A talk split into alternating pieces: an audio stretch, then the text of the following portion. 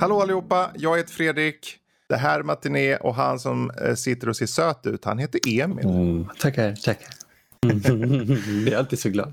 Åh, vad skönt det är. Det är sommar, Det är det. det är varma brisar och vad är då, vad värmer då inombords mer än att se en robot bli mosad i en mangel liksom? Det känns ju sommar om något. Ja, det känns ju det. Alltså när, någonstans när jag satte mig ner och började titta på The Terminator så flög jag tillbaka till tidigt 90-tal där jag manglade den här filmen om och om igen. Liksom. Mm.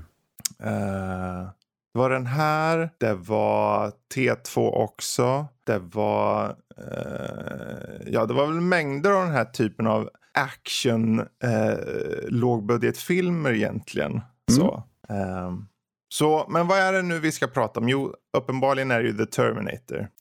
Den här eh, dystopiska framtiden som trycker sig på oss. När det egentligen var dåtid. Fast det är eh, också framtid. Det, är så här, man bara, okej, 1984 utspelar sig filmen och en Terminator och eh, Kyle Reese hoppar tillbaka i tiden för att rädda och eller döda, beroende på vem man syftar på, Sarah Connor. Och där har du liksom eh, uppslaget för filmen. Enkel något- premiss. Ja, det är så enkelt. Och de säger själva att ja, men det bara, vi kunde bara skicka en gång, säger han. Nu vet ju vi så här retroaktivt, ja, det kanske inte blev bara en gång egentligen. Hur många har inte skickats tillbaka nu med det här jävla time displacement machine eller vad det var för något? Oh, Jesus. Alltså det, det var det eh, faktiskt, bara för att hoppa rakt in i just den delen där. Den här filmen är för mig tidslös. På, Ja. eller ja, det är ju fel att säga med en film som stinker så mycket 80-tal som den gör. Mm. Men premissen är tidslös och den funkar så bra och de har väldigt enkla svar på frågor Ja. som uppföljarna gjorde så svåra. Precis. Håll, borde- keep it simple. Ja, det är Det är så. Och, det, och någonstans är jag så glad också när jag såg den här. Jag hade inte riktigt memorerat vissa saker som ledmotivet redan i introt. Det är ju det här väldigt tydliga ledmotivet. Som, och jag bara, hade de alltså det från start? Jajamän. Dun, dun, dun, dun, dun. Man bara yes! Eh, till och med Sarah Connors ledmotiv senare i filmen finns och så. Mm. Men ehm, ja, vad ska man säga? Det utspelar sig 1984 och även om det som du säger där, ja, men det, det, det känns väldigt 80. Och nog är det väldigt 80, men jag är väldigt glad över att den balansen de har gjort här för att framtiden som kommer i ganska små glimpses på något sätt. Den hålls tillbaka lite. Allting är, Mm. och allt är på något sätt väldigt Visst, det är flygande robotar som håller på, hunter killers och allt vad de heter som jagar folk. Men de håller nere på det här ganska mycket. Så Mm. att eh, jag nästan köper filmen mycket mer bara för att det skickas ju tillbaka till 84. Och det kan ju inte vara mer 84 än den här filmen. Nej, men det är ju också en grej som, alltså James Cameron visar sin briljans Mm. där lite grann. Att ja, vi kan, det handlar ju delvis om framtiden. Det behöver inte betyda att vi visar framtiden hela precis, tiden. precis. Mm, smart. Ja, jag tycker om det. Och sen den här väldigt gritty framtiden som är liksom igår en slags blå ton. Så det känns, det känns ändå genomtänkt även om det är återhållsamt liksom. Ehm, Den klarar sig väldigt mycket med, med det här, eh, man brukar säga show don't tell. mm, Här, har de, här visar han tillräckligt mycket från början för att du ska köpa det de säger sen istället för Ja. att visa. precis. Precis. Och det, jag menar, de, de kun, det kunde ha blivit betydligt mer kalkon om de faktiskt fått med sig vapen från framtiden. Liksom. Ja. Men i och med att eh, Terminator måste förlita sig på, och precis som eh, Kyle Reese då, som också skickas tillbaka av motståndsrörelsen, måste förlita sig på dåtidens vapen någonstans. För de kan ju inte ta med något annat än egentligen organisk. Eller ja, indirekt går det ju att skicka uppenbarligen Terminator som, men de har ett hölje av organisk materia då. Så det väl där antar jag. Jag har aldrig riktigt fattat hur det där funkar i så fall. Men det är det som det, de gör det Ehm. så, de, förlåt, för Mm, de gör det så fortsätt. smart. För jag, det var just det jag tänkte på i i filmen. Flera ställen. Så här, va, just för att jag skriver just nu, jag har precis påbörjat ett långfilmsmanus som eh, jag skriver för en annan vilket gör att jag måste veta dess, deras idéer Mm. och sen vet, flika in med mina egna grejer. Och då är det just den här plantering, plantering. Mm. Det där ska planteras här för att det ska funka sen när jag vet att de vill ha in det. Mm. Den här filmen gör sånt så smart för att när, när de kommer till just det här med eh, att skicka tillbaka materia eller fysisk materia, eh, kött helt Mm. enkelt. För under, in, eh, inte intervjun, vad heter det, förhöret med Kyle Reese så frågar de ju där, men uh, Terminatorn han är ju uppenbarligen gjord av metall säger du. Bara, jo men här är, som att han har förklarat det här så många gånger, liksom, att det är ju täckt i kött och blod. Mm. Jag byggde inte skiten, jag vet inte hur Precis. det funkar säger han. Här har vi en sak som jag tycker filmen gör väldigt bra och det är effektivt berättande. Mm. För hela tiden efter berättelsen bara fortskrider så framförs då den här faktan på väldigt smarta sätt. Det kan vara som i den där scenen under förhöret. Du, du, du skapar en stämning och en, och en liksom förfäran hos de som tittar på den här inspelningen. Men samtidigt så ger det ju tittaren en perfekt möjlighet att få information. Och även när ren liksom fakta ska ges eller någonting så kan det ske medan de, som till exempel när ehm, eh, när de be- berättar kring vilken modell det är, One, ehm, T100 eh, eller vad den heter. 101, 800. Bla, bla. ja. Då åker de ju bil, de är i jagad situation precis där och då. Yes. Så det är liksom, du, du låter dig få den här spänningen samtidigt medan han berättar och det blir en aha-upplevelse snarare än att han ska bara komma med fakta någonstans. Ja, nu stannar vi upp och tar det här lugnt och försiktigt. Nej, nej, nej. Det är full gång liksom. Det, är, Ehm. det misstaget många gör att de har exposition-scener som bara blir ett, ett- damp. Precis Liksom. så. Och de har typ en sån scen här i och den är fortfarande så väl regisserad Mm. att det funkar väldigt bra. Eh, och det är ju när, efter jakten faktiskt, när Mm. han förklarar hur Terminatorn funkar. Att den har ingen känsla, den har ingen ånger. Eh, Precis. och det är också ett sånt där manus, för det slår mig. Eh, folk har försökt regissera Cameron-manus. Mm. Det blir så dåligt många gånger. Men när han gör det så vet han hur han ska få sina skådespelare att säga att den här mördarroboten bryr sig inte om dig Mm. förrän du är död. Och man köper det. Precis.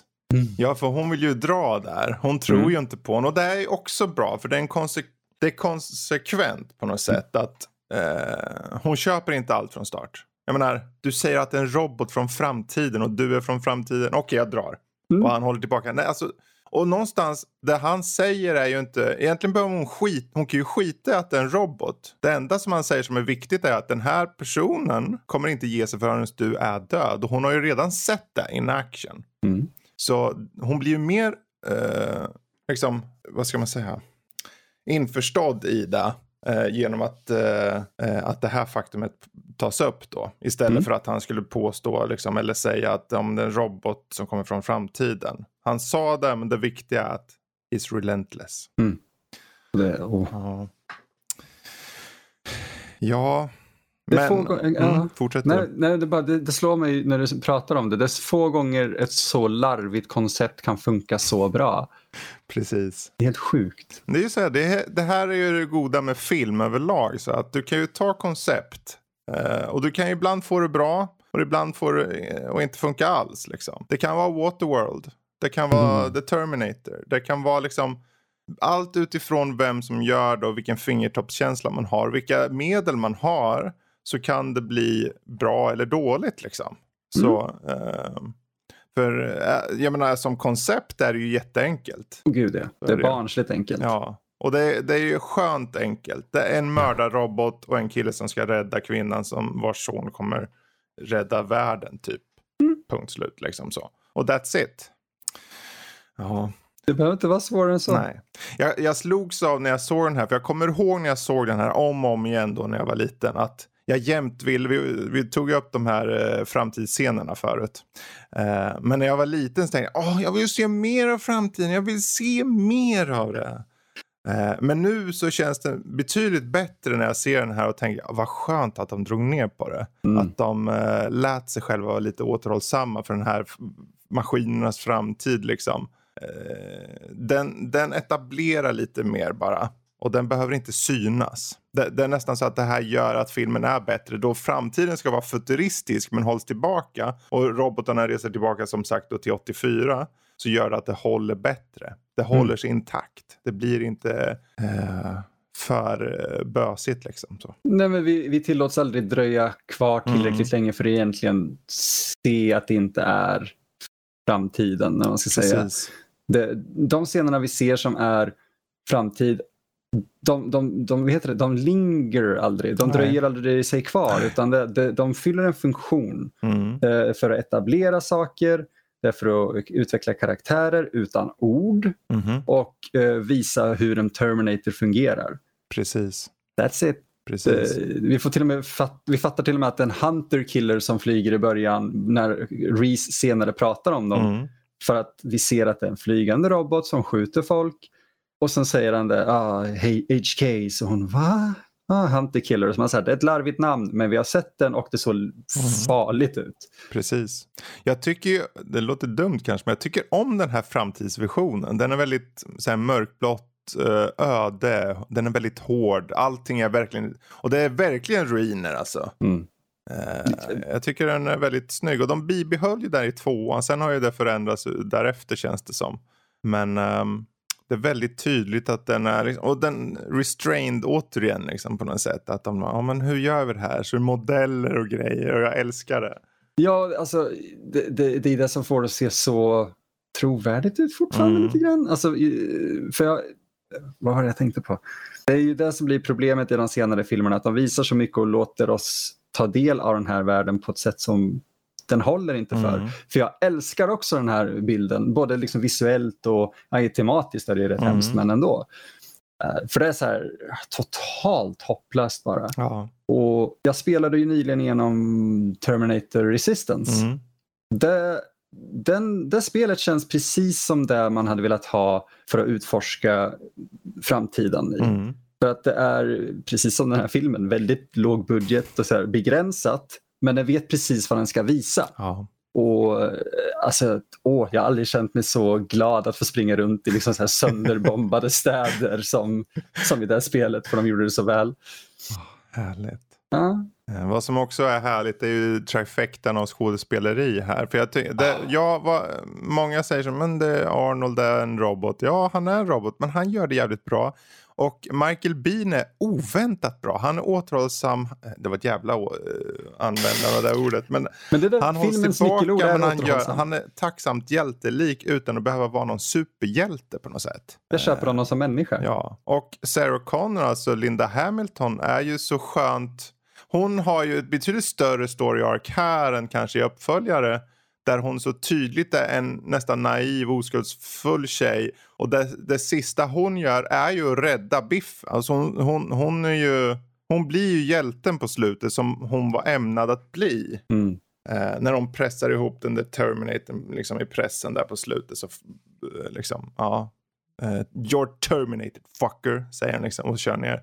Och där, där skapas ju Sarah Connor någonstans. Och det är perfekt för det är egentligen, och hela den här loop öppen på något sätt av tidsresegrej. För jag älskar ju tidsresegrejer överlag. Men här är det liksom, det är så skönt genomtänkt på något sätt. Det finns en logik i saker. Mm.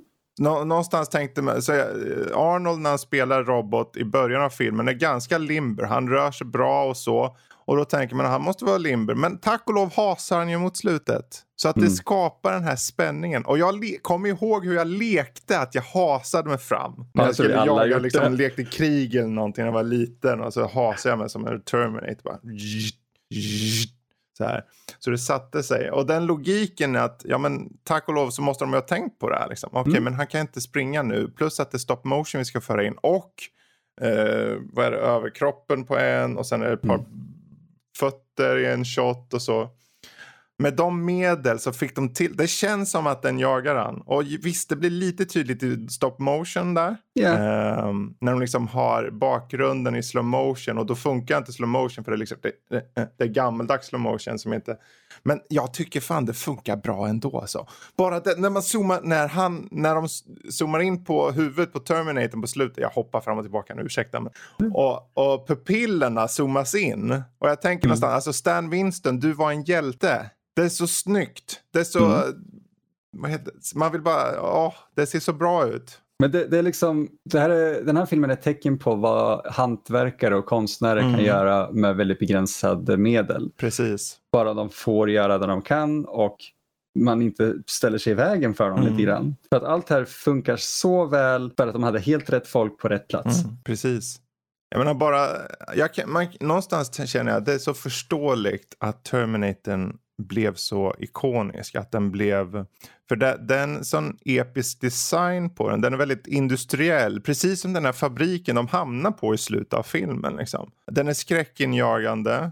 Och den glänser i kromliknande färg. Så här, liksom. det är, och den ser stark ut. Jag menar, de har ju byggt den som att den har den här eh, liksom muskulösa uppbyggnaden fast det bara är liksom ett skelett egentligen. Eh, Så, exoskelett liksom. Det, ja, den är, jag kommer ihåg liksom mycket väl hur den stod ut redan då när jag såg den. Och den står ut idag. Den funkar alldeles, alldeles utmärkt faktiskt. Det gör den. Jo, men det, känns, det känns som en framtida design. Mm, Fast den hade lika gärna kunnat komma på nu. mm, Just för att den är, det är ett skelett av krom. Och det, det, är så här, det, det kan lika gärna ha varit designteamet som satt där och bara nej, alltså, det ska vara en metallrobot och det är fan coolt. Alltså. Och så är de röda ögon också, det är asballt.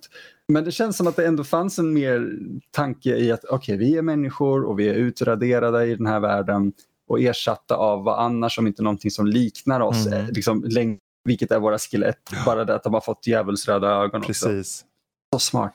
Ja, ja verkligen. Ja, nej men tillbaka till skådespeleriet. Jag, jag är Mm. faktiskt väldigt, jag, jag kom på mig själv att när jag var liten, återigen, jag kommer gå tillbaka en hel del till det. Eh, jag var ju ganska generad över en viss scen när de har Mm. sex då. Jag kommer ihåg jag såg den scenen och tänkte åh, det är så, åh. Och när jag visste att den skulle komma så blockerade jag ut mycket av det som ledde upp till den och så. Eh, och sen när jag blev lite äldre då kanske jag med flit hoppade just till den scenen av andra skäl. Förlåt. Men, men när jag såg den nu så slogs jag av att de sätter ju upp hela idén om att Kyle Reese aldrig varit med en kvinna. Att han har blivit förälskad i en bild. Mm. En bild som han har skapat i sitt huvud. En bild som han påtagligt sett har i handen liksom. Eller har haft. Och att det då leder till den här fina stunden. För den, Mm. det var en förvånansvärt fin stund. För det är ändå 80-tal. De kunde ju ha betydligt mer sex. Alltså i bild. Alltså bröst och allt vad det är. Men här är det faktiskt ganska. Slog det mig nu att det är ganska återhållsamt. Det samma ord där igen. Lite reserverat. Lite så här, de, de låter det liksom. De, det, det går över på en 20 sekunder någonting. Men de, Som de vanligt. visste, Nej. det, det hade varit lite kul om Kyle Reese ändå, okej han kanske är oskuld där ändå, men det, hela den här scenen 20 sekunder går och sen så klipper de eller fejdar de till att det här har aldrig hänt innan. Mm. Bara, "Åh." Ja, nej. Tro, tro fan det. Men det, alltså det är just det här med att vara återhållsam Mm. och så, för att de, de vet vad som behöver visas. Ja. Eh, kul nog, jag gör mycket gore-effekter och sånt där, och våld och mjau, mjau, mjau. Mm. Eh, men jag har aldrig tyckt att sex i film är nödvändigt riktigt. Nej, och jag tycker de, de gör det så bra här. Mm. eh, för att det är väldigt sparsamt och väldigt lite och vi fattar vad som händer. Mm. Eh, och det, är ändå, det finns en anledning känslomässigt och emotionellt till att koppla alltså deras relation, här når den piken Mm. för att för, här blir hon gravid. Precis. Då finns det någorlunda anledning att visa ändå det här faktiskt ganska romantiska och Mm. genuint erotiska tillfället. Inte bara boobs! Lite Precis. fel film för det. Ja.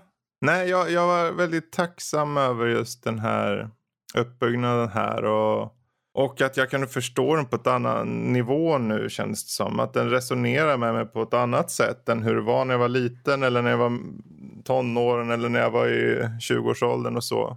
Ehm, jag, jag fann den faktiskt oväntat rörande på något sätt. Att han aldrig varit med något. Och den här bilden han fått, hade han fått av John Connor och han själv, han själv säger ju att han memorerar varje linje, kurva och del av henne. Mm. Och det är vad han har levt på på något sätt. Och för att koppla till det, med, hon får ju den bilden tagen av sig i slutet. Ja, precis. Um, precis. Och hon, är ju, hon känner sig ju tvungen och att hon måste ju berätta när hon spelar in vid de här banden då. Att hon måste berätta såklart. Och det är ju ett måste för att kunna bibehålla loopen på, på ett sätt. Mm. Liksom. Om hon inte berättar för John Connor att han är pappan så kanske han väljer att skicka någon annan. Liksom. Exakt.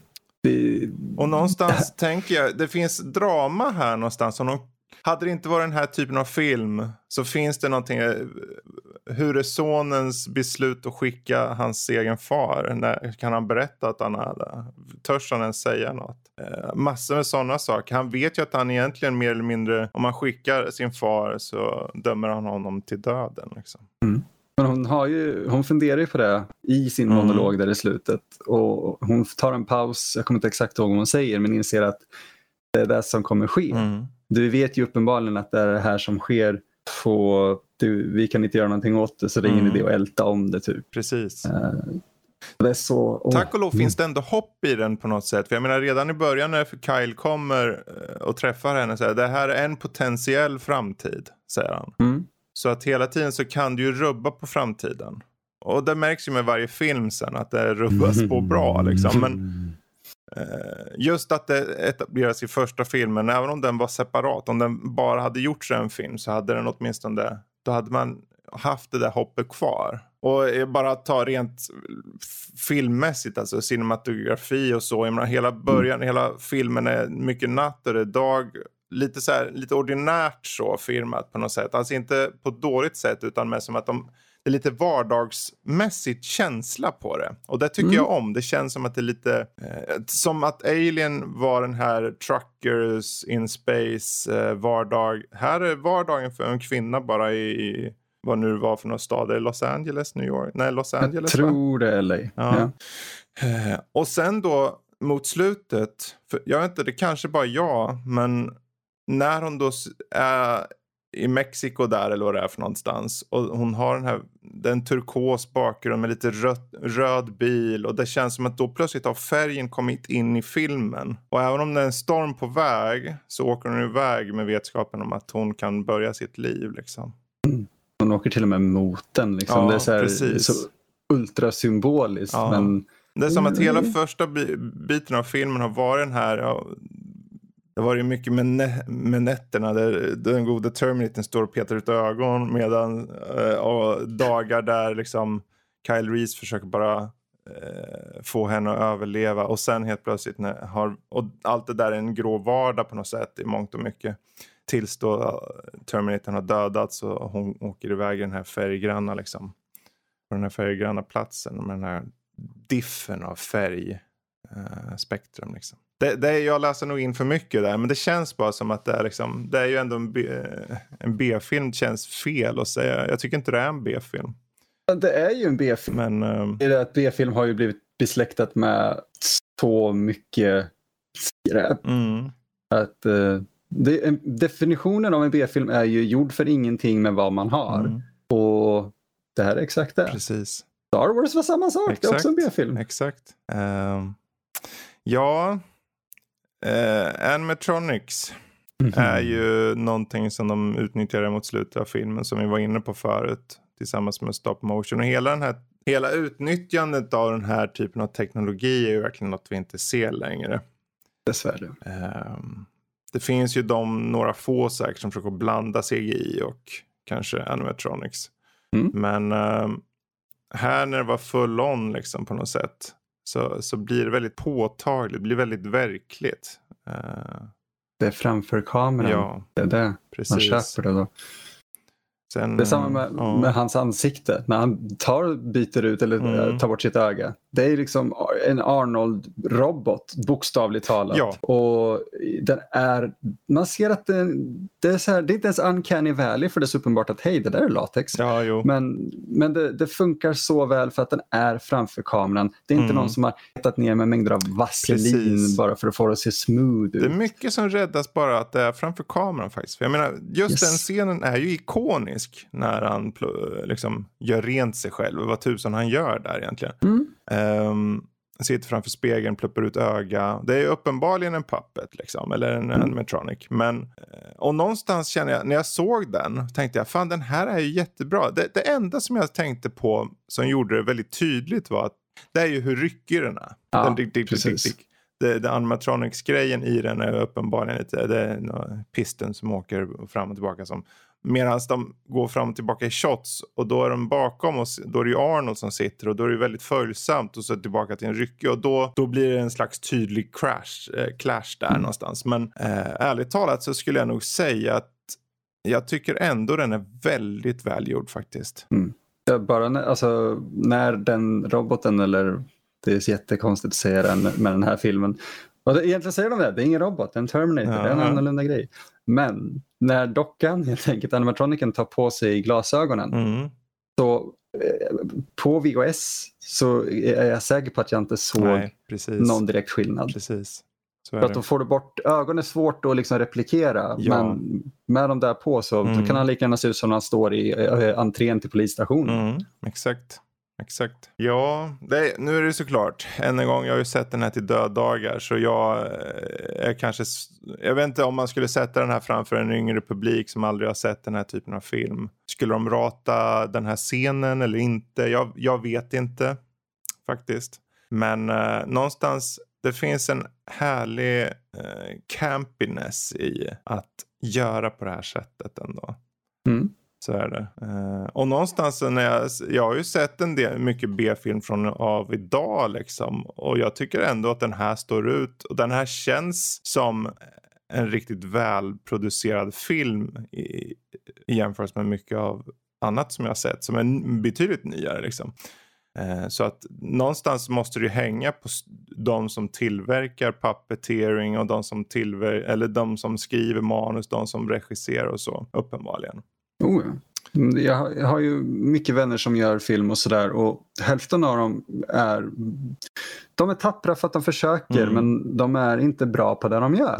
Nej. Jag säger inte att jag är superbra heller men jag vet mina styrkor och jag vet Mm. absolut mina begränsningar. Precis. Eh, Jag har, jobbade faktiskt på en film som jag inte kan prata om riktigt nu men eh, där vi hade mycket robotscener och sådär. Och, och skådespelarna där fick exempelvis inte någon form av regi där det handlar om hur ska en robot verkligen röra sig Mm. så mycket som att ja, men rör dig som en robot. Mm, det är så här, Jo mm. men vart kommer det uttrycket ifrån då? Precis. Jo, förmodligen Terminator, hur gjorde de då? För att det är därf- jag tycker Arnold är briljant i den här. Mm. Han, får, det är under, han är underskattad i den här. Mm. Av den anledningen du sa förut, att i början så är det liksom, han är nästan off, det, sen, direkt från fabriken.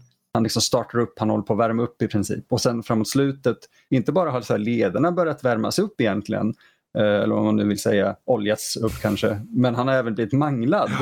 Vilket gör att han kommer ha skador Mm. och ha problem att röra sig. Det är så viktiga detaljer. Det är där, Precis. detaljerna gör filmen. Ja, verkligen. Precis. Ehm, det, är ju, ja, det finns ju många detaljer som jag tycker eh, emotionellt sett säljer in filmen. Liksom. Allt från att Linda Hamilton överlag säljer in alla ögonblicken väldigt bra. Och Mm. någonstans är det ju, casting är ju A och O i många fall. Liksom. Och här är det Mm. väldigt tydligt. Um, jag menar bara det här tillfället, när, när de är på slutet där eh, på den här fabriken och eh, Kyle blir ju skadad då. eh, dödligt skadad egentligen. Men han offrar sig själv och spränger Terminatorn då. Och de, de gör det nästan som en slags jumpscare här. Att Mm. eh, hon vänder ju på honom och han är ju död då, Kyle Reese. Och resten av Terminatorn är en bit ifrån. Och sen bara vaknar till och man bara Jesus, men den var i kameran hela tiden. Ja. Och det här är just för mig, för många så här, det här är, jag vet inte om det här är enda ty, om man ska kalla det en jumpscare i filmen. Men om det är det så tycker jag att den känns väldigt förtjänad. Den känns väldigt, eh, för den sakta men säkert börjar hasa sig efter henne. Och jag kommer ihåg när jag såg den då och jag kommer ihåg när jag, s- häromdagen när jag såg den och tänkte fan vad det här är bra.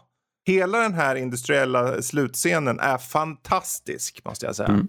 Upplägg, bara att Ka- eh, Michael Bean som spelar Kyle Reese slåss mot eh, stop motion Ja. roboten. Och duckar. Och jag tänker fan alltså. Och här har ju folk svårt att liksom göra scener med CGI. Och här har han Mm. den stackaren sl- slår med en jävla pinne mot ingen luft också liksom. 1984. Ja, Bra regi, bra, Bra regi. skådespel. precis. Det är allt det. Det är det det kokar ner till. Precis. Oavsett, just den här um, fabriksdelen eh, är ju min favorit. Den för mig höjer filmen eh, från att vara bra, bra till att vara fantastisk. För det är liksom den, den spänningen och den liksom känslan i allting. Och det är liksom det, det är sorg i scenerna liksom också. Och, hon in, och Sarah hinner inte processa riktigt vad som hänt med Kyle. Även om det var förväntat från, för oss då som tittar egentligen. Eh, av många olika skäl då. Men ehm, ja, det är bra grejer. Ja, det är det. Den kombinerar action, thriller och skräck nästan i, i, i per akt. Precis. Och det är, thriller är fram till att uh, technoir. Mm. Fram till technoir, då har vi thriller. Sen har vi action, självklart. Alla jaktscenerna Ja. och, och striden och sådär. Sen kommer skräcksegmentet. Mm. Där de gör typ en eller två fake-outs nästan med att Terminatorn är död. Mm. Sen just kommer jumpscaren. Ja. Och som, som du sa, just att den är i bild. Det är det som gör den värdig. Mhm. Det är, det är precis som The Thing. Jag, vet inte om, jag har sä- säkert pratat om det någon gång. Men, eh, de ska göra det här i blodtestet i The Thing för att se vem som är infekterad. Ja. Och, eh, scenen är så viktigt filmad där, för eh, huvudkaraktären McReady håller handen i förgrunden. Och här, du kan ju säkert den här men jag tänker för publiken. För att det handlar ju om att lure, eller alla de här engelska uttrycken, men att eh, få folk att känna sig trygga eh, men de vet att någonting kommer ske. Mhm. Falsk trygghet helt, helt enkelt. För han håller sin hand, som är fake från början, i flera bilder där ingenting händer när de testar blodet. Mhm. Sen kommer den blod, att blodtestet där som det blir en jump scare. Men det är fortfarande samma hand. Mm. Men helt plötsligt så poppar det ur ett jävla monster ur den. Men allt är filmat så snyggt och planterat i bild så att vi aldrig tänker på det. Precis. Precis. Åh, Ja, scener överlag. Den har mycket fina scener. Och eh, den gode ter Terminatorn dör ju ett par gånger egentligen. För jag menar, ta bara den här scenen när Eh, han är i långtradaren och, och kör efter Sarah Connor och Kyle Reese slänger in en, liksom en, en bomb eh, där bak på och så sprängs den. Uh, och Terminatorn stapplar ut brinnandes i det här infernot. Eh, och faller ihop. Man ser, och här blir jag alltså så imponerad. De, de gör en bra take på det här. Visst, det är ju klippt här men han ramlar ner, ner liksom och så ser man hur han brinner upp och köttet försvinner liksom. Och mycket riktigt, det tar en stund nu och, och våra hjältar stapplar fram och, och liksom, åh, där är det över nu. Och så i bakgrunden så ställer sig Terminatorn upp. Ren. Det liksom gnistrar om kromen liksom. Man bara, mm. Holy fudge. Den, den, jag fick gåshud när jag såg den scenen. Och det, ja, det är så tydligt att det är en förgrund och bakgrund så här, att de liksom projicerat eller någonting där. Men eh, de säljer in det, eh, Mm. Bean och eh, Hamilton. Och, och sen så sakta men säkert hasar sig den där jäkla Terminatorn mot dem. Och man tänker fudge my life. Nu, nu, spring för fan, spring! Och musiken och allting som går där som är så här eerie, Mm. mekanisk och, och hetsig. Och, ah, jag vill inte. Precis. Ja, och det är ju det är intressant för den här filmen är ju liksom, den är ju mycket filmad på gator i stan där liksom. När de kör på trottoarkanter och allting. Och det är så här, och han gjorde ju någon form av guerrilla filmmaking. Att Mm. han bara liksom, han bara filmar skiten. Ja, de hade ingen budget. Nej. Så, Stora kaninöron självklart. precis. Och det är ju, det skulle ju inte gå idag kan jag tänka mig. Men, nej. Eh, Det, det är så många regler och föreskrifter Mm. att du, du, du får nästan köra som i Ed Wood där. Att we don't have a permit, run! På den här tiden var det nog lite mer okej. mm, Och då utspelade sig ändå Ed Wood tidigare, men ändå. Alltså, det var så mycket som skedde under 80-talet i, i LA och filmscenen där att folk var ute och filmade. Mm. Precis. Det, vad sa jag? Ja, för han ska ju ha bara sagt till skådisar och, och crew och sånt. Ja, men var på den här platsen vid den här tiden. Så kör vi bara. Mm. För det finns ju tillfällen man ser liksom vanliga, vanligt folk med i shotten Ja. liksom. Så Och till första gången Kyle Reese går ut på en trottoar där det är så här, de här människorna ska nog inte vara i bild, Mm. men här är de. Ja, och någonstans säljer det in vardagen återigen. Att det är liksom vanligt folk. Eh, jag tycker om det. Det är ju, eh, Mm. än en gång, det är ju en taktik som inte skulle kanske funka idag alls. Eh, och det, någonstans är det ju kanske rätt också. Folk ska få välja och det är liksom, du kan inte göra liksom actionscener och åka på trottoarkanter och inte eh, kanske så. Men ehm, det, det skänker ju filmen en viss känsla. Det gör det ju. Men det är, alltså, den är så inspirerande och eh, man, vi pratar fortfarande om den på grund av allt det här Mm. gjorde.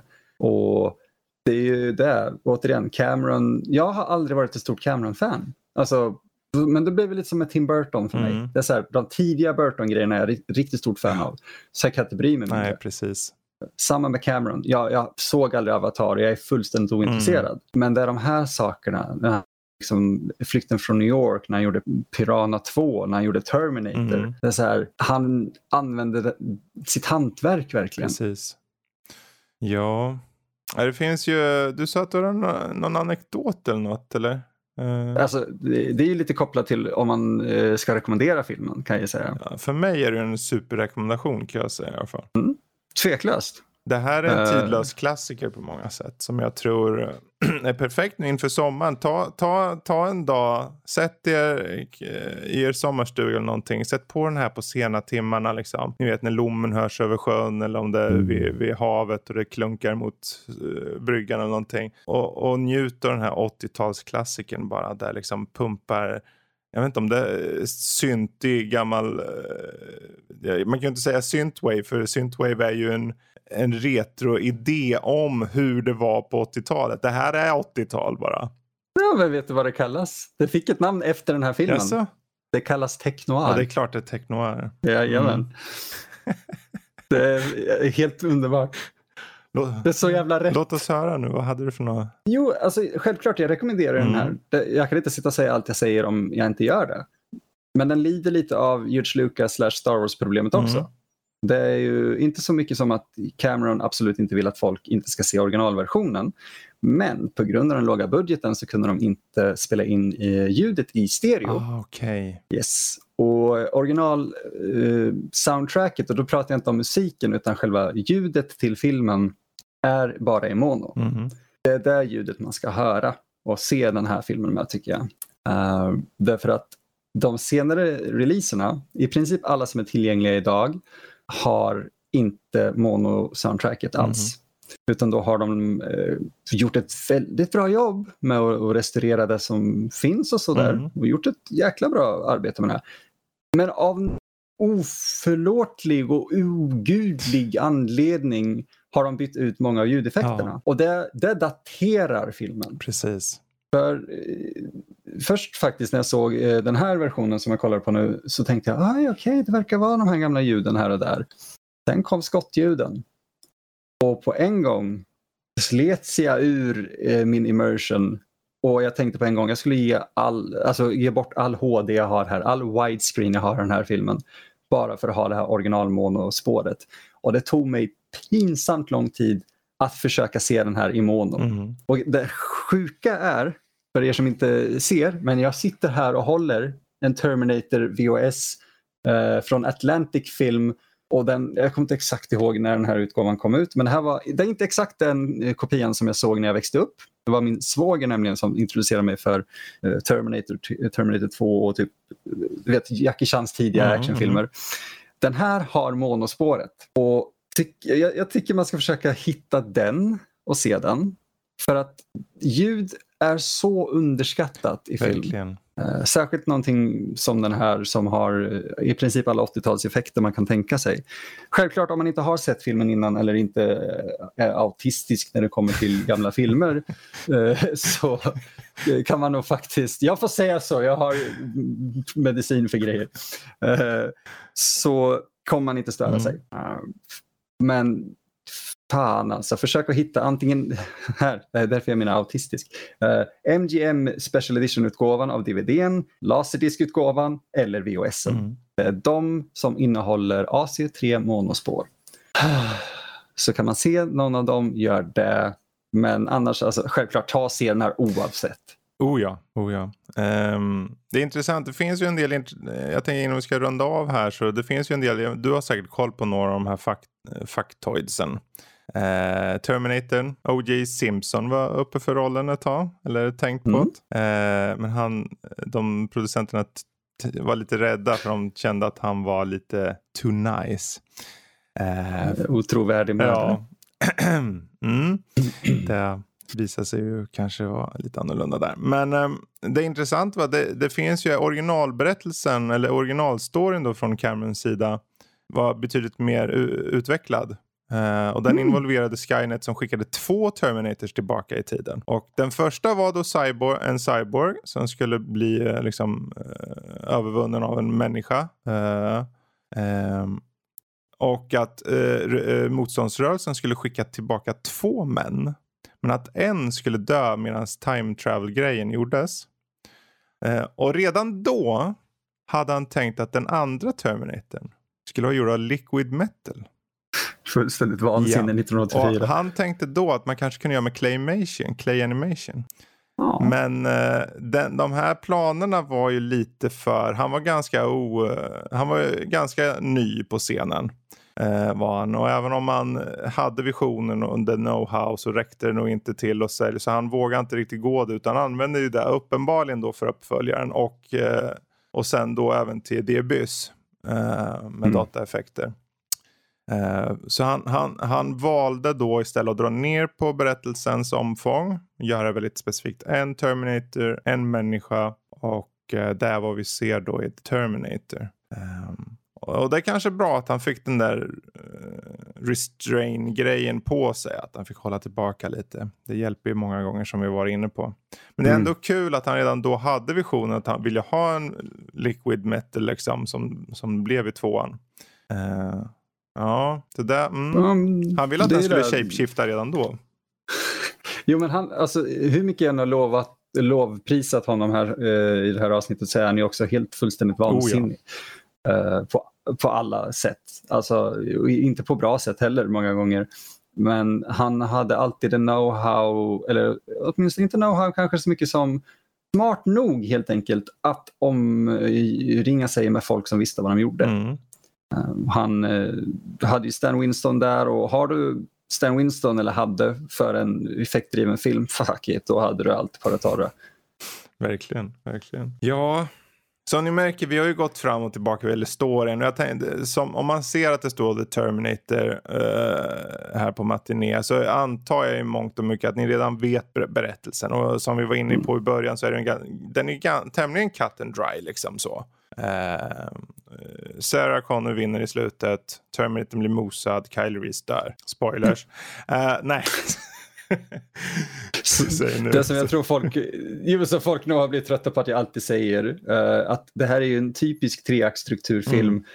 Mm. Eh, inte ens problemet, höll på att säga problemet, varför sa jag det? För att det som gör den så unik är ju det att det handlar om tidsresor mm.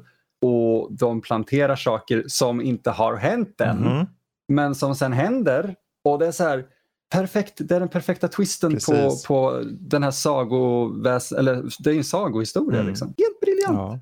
Och då är det kul också att det finns ju lite ännu mer trivia här att eh, ursprungliga draften på det här manuset, det här kanske du känner till, såldes till Galen Hurd som är alltså produktionspartnern till uh, Cameron för en dollar. Det var så det var, just det. Jag minns att det var så här rubbat låg, fuck en dollar. Det är en symbolisk Jesus. gest var det ju. Det var någon form av liksom symbolisk, för det. hon jobbar ju uh. ändå med honom eh, Cameron då. Ja, det var väl, jag antar att det var papper som var ja, tvungna att utbytas. Och... Det, liksom, mm. det blir bara så kul för det var ju en film som gick, det gick ju väldigt bra och sen eh, hade vi uppföljaren som en helt annan sak. Eh, och mm. det, det, är roligt här, nu ska vi, vi ska inte gå in på den, men att de två hör samman på det sättet att de pushar the envelope för vad man kan göra. Om det så är i B-film eller för superblockbusterfilm runt på hur man ser det så är de båda ikoniska på det sättet. Liksom. Mm. Uh, jag menar bara dockan av uh, Schwarzeneggers ansikte tog sex månader att göra. Ja, det var ja. så lång tid. Så det, det ser bra ut. Ja, det finns ju massor med rolig intressant fakta om filmen. Den är liksom... Uh, de, hade, de skapade, får se, de skapade, de har ju en del datan, eh, datorgrafik i den. Mm. Och det gjordes på en Apple 2. Åh herregud, hur? Den här Va? vyn då, när man ser Terminator-vyn, Ja. den är tydligen skriven i något som heter COBOL. Uh, någon gammalt Okej. uh, programmeringssätt. Eller jag vet inte vad det är, men det är tydligen någon form av visuellt gränssnitt då antar jag. Eh, ni får väl rätta mig om jag har fel. Men eh, vad det är då. Jag vet att det har gjorts på det här sättet. Men eh, det, det är just det här, den här jävlar namnet i att jag ska fan göra den här filmen. Det ledde till Mm. att bli en, eh, en fantastisk film. Faktiskt på många sätt och vis. Och då ska man ju inte säga. Och sen finns det ju en övergång lite till Aliens där som är ganska tydlig. Du har ju Lance Henriksen med som en polis till exempel. Och han var ju Bishop i Alien och Aliens. Eh, eller ja, Aliens menar jag. Eh, Mm. så där liksom, han, han fördes med och jag tror de har ju fört mycket. Han har ju, det är ju som allting här, man, man lär, lär känna någon eller några och då vill man ju jobba med dem igen. Och Arnold har ju varit med i Cameron eh, uppföljaren där uppenbarligen och, och så. Så där finns True Lies. True Lies, precis. Eh, Man tar ju ofta med sig sin stab om man Mm. kan. Ja. Jag vet att Aliens var lite svårare. Mm, För att där försökte de brittiska crewn få honom sparkad. Men Precis. det gick ju som det gick. precis. Ja, vi kan ju redan nu outa då att nästa film blir ju uppenbarligen, och det är bra för då kan ni njuta av The Terminator nu i sommar och sen kommer vi Mm. tillbaka någon gång i höst. Eh, vi har inte bestämt riktigt än när, men då blir det uppföljaren Terminator 2. T2. Definitivt. Så börjar vi med ett eh, riktigt, riktigt halabaloo där. Ja, precis som ni- 90-talet öppnades med T2 så öppnade vi hösten med Mm. T2. Det är liksom explosionsartat. Precis. Precis. Då så, men eh, då tänker jag vi tar och rundar av faktiskt. Ehm, är det så att ni vill ha mer av oss? Ja, nördliv.se. Ni hittar massor med grejer där. Och är det så att ni vill prata med oss individuellt? Ja, då kan man ju göra det på mail såklart. Det är bara att ta vårt förnamn och sen snabel. Eller bara gå in på sajten nördliv.se. Scrolla ner en liten bit. Det är en stor Discord-ruta där. Tryck på connect, kommer rakt in. Kan du skriva till oss, vara med i omröstningar. Ja, kolla på bilder på Emil när han blottar sig. Ja, sånt där som alla tvingar sig på att göra förr eller senare. Det, vi hade det för Patreon först men det var ingen som Det var klickade så då inget. Vi tvingade vi blev på av dem. med det. patrons istället. Vad hände? Så vi tänkte att det måste bara vara fel publik så vi körde in det, tvångsmatade folk på discorden med. Det finns till och med en emoji där jag gråter och äter yoghurt så ni vet, ni kan ta del av det där. Men som den gode Arnold alltid säger, I'll be back. Det är- det Så. är- Men tack för oss. Tack för Emil. Tack för mig. Tack och hej. Tack så mycket. Hej!